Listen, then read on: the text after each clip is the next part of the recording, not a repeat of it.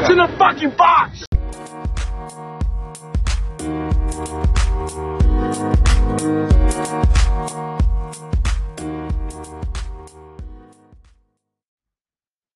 Assalamualaikum warahmatullahi wabarakatuh. Selamat pagi para pendengar What's in the Box. You will never know what's in the fucking box.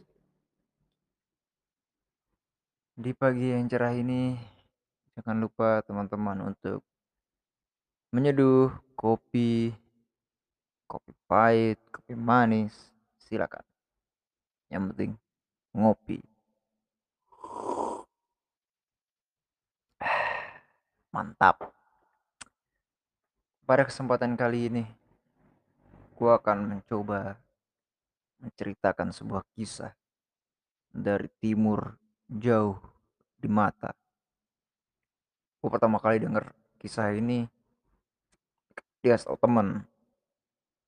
Akhirnya gue baca bukunya, bukan buku sih, eh, cerita, ceritanya lah di internet dengan judul The Appointment in Samara. Samara itu adalah uh, kota kecil di utaranya Baghdad, Irak ya. Di utara rada barat lautnya dikit gitu. Jadi nggak utara banget. Rada kiri dikit gitu. Nah cerita ini berawal dari Baghdad. Langsung aja gue ceritain kisahnya mungkin teman-teman juga udah pernah dengar di versi yang lainnya tapi gue akan membawakan sebuah kisah The Appointment in Samara dari Baghdad, Irak. Ceritanya berawal di many many years ago. Cerita jadul, lama.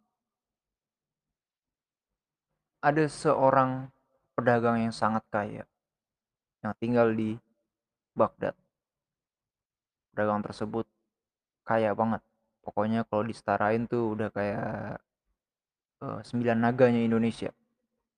Jadi kaya banget dia. Suatu hari dia ingin mengadakan pesta pesta makan gitu.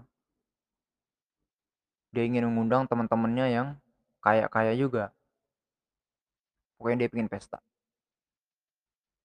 Lalu sebelum mengadakan pesta dia ingin menyajikan makanan-makanan yang luar biasa nih untuk teman-temannya.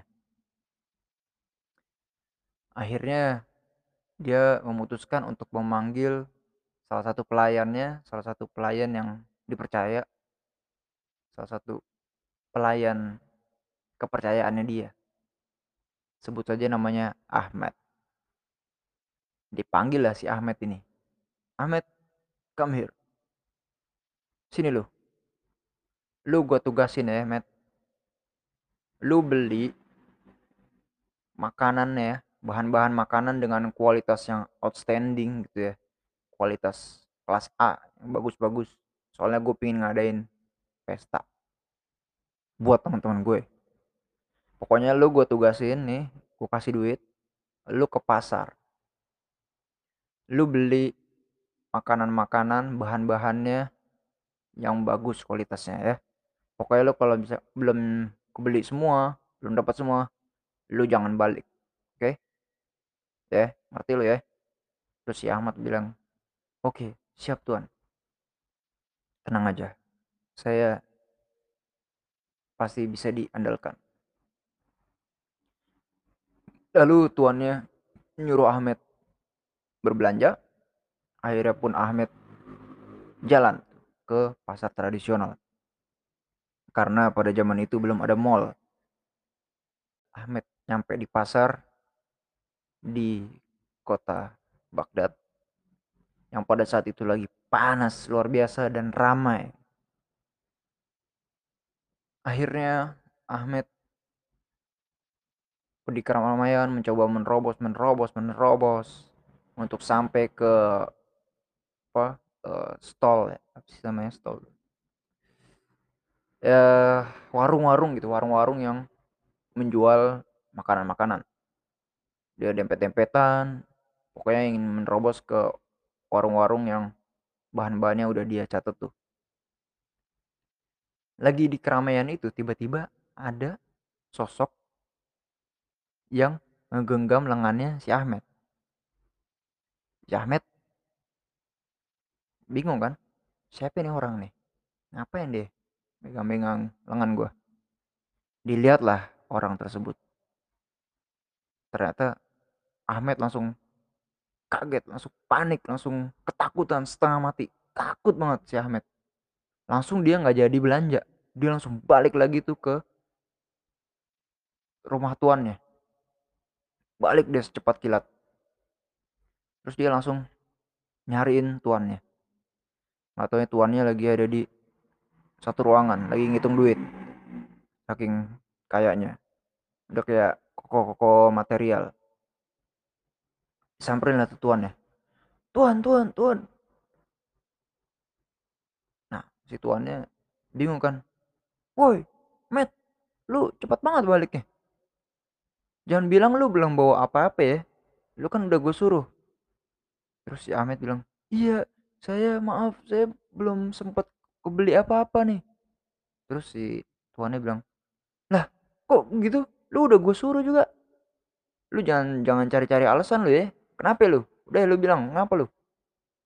Akhirnya si Ahmed bilang iya sorry tuan sorry tuan.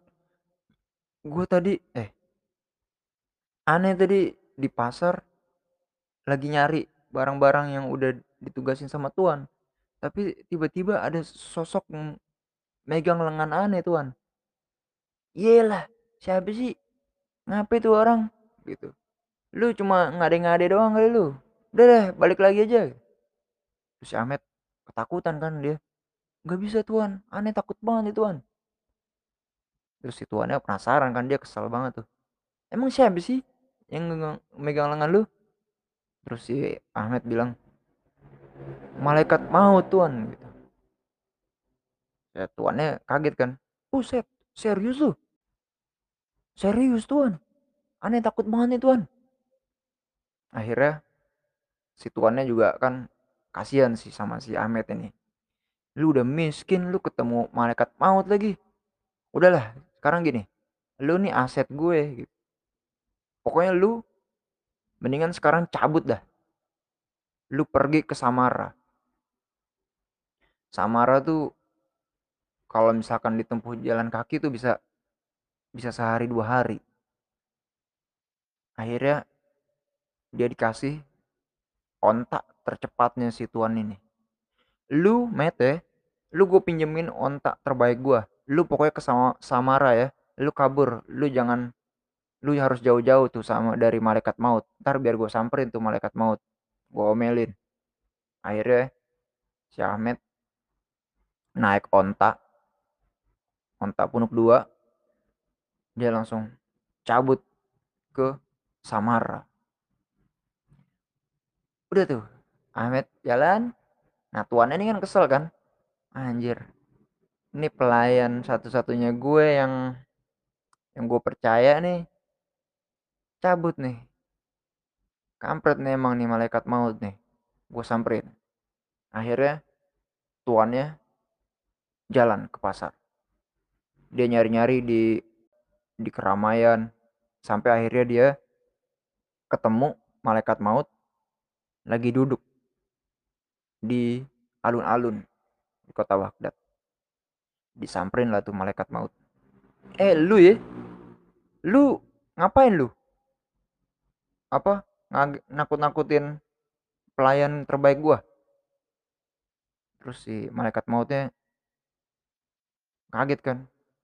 Loh, enggak kok, gua nggak nakut-nakutin. Gue tuh cuma kaget terus tuannya bingung kan lu kaget ngape lagi kan lu udah tahu itu si Ahmed lalu si malaikat maut bilang lagi. Iya gue kaget. Soalnya nanti sore nih nanti sore gue ada janjian ketemu Ahmed di Samara. Kok dia masih ada di sini sekarang? Begitulah. Jadi intinya si Ahmed sedang menjemput kematiannya sendiri sebenarnya ke Samara dengan mengendari onta tercepat sehingga sore udah bisa nyampe di Samara dan ketemu sama malaikat maut. Seperti itulah sebuah cerita di pagi hari ini untuk menggembirakan hati teman-teman dan para pendengar yang selalu setia mendengarkan. Dan sekali lagi gue ingatin untuk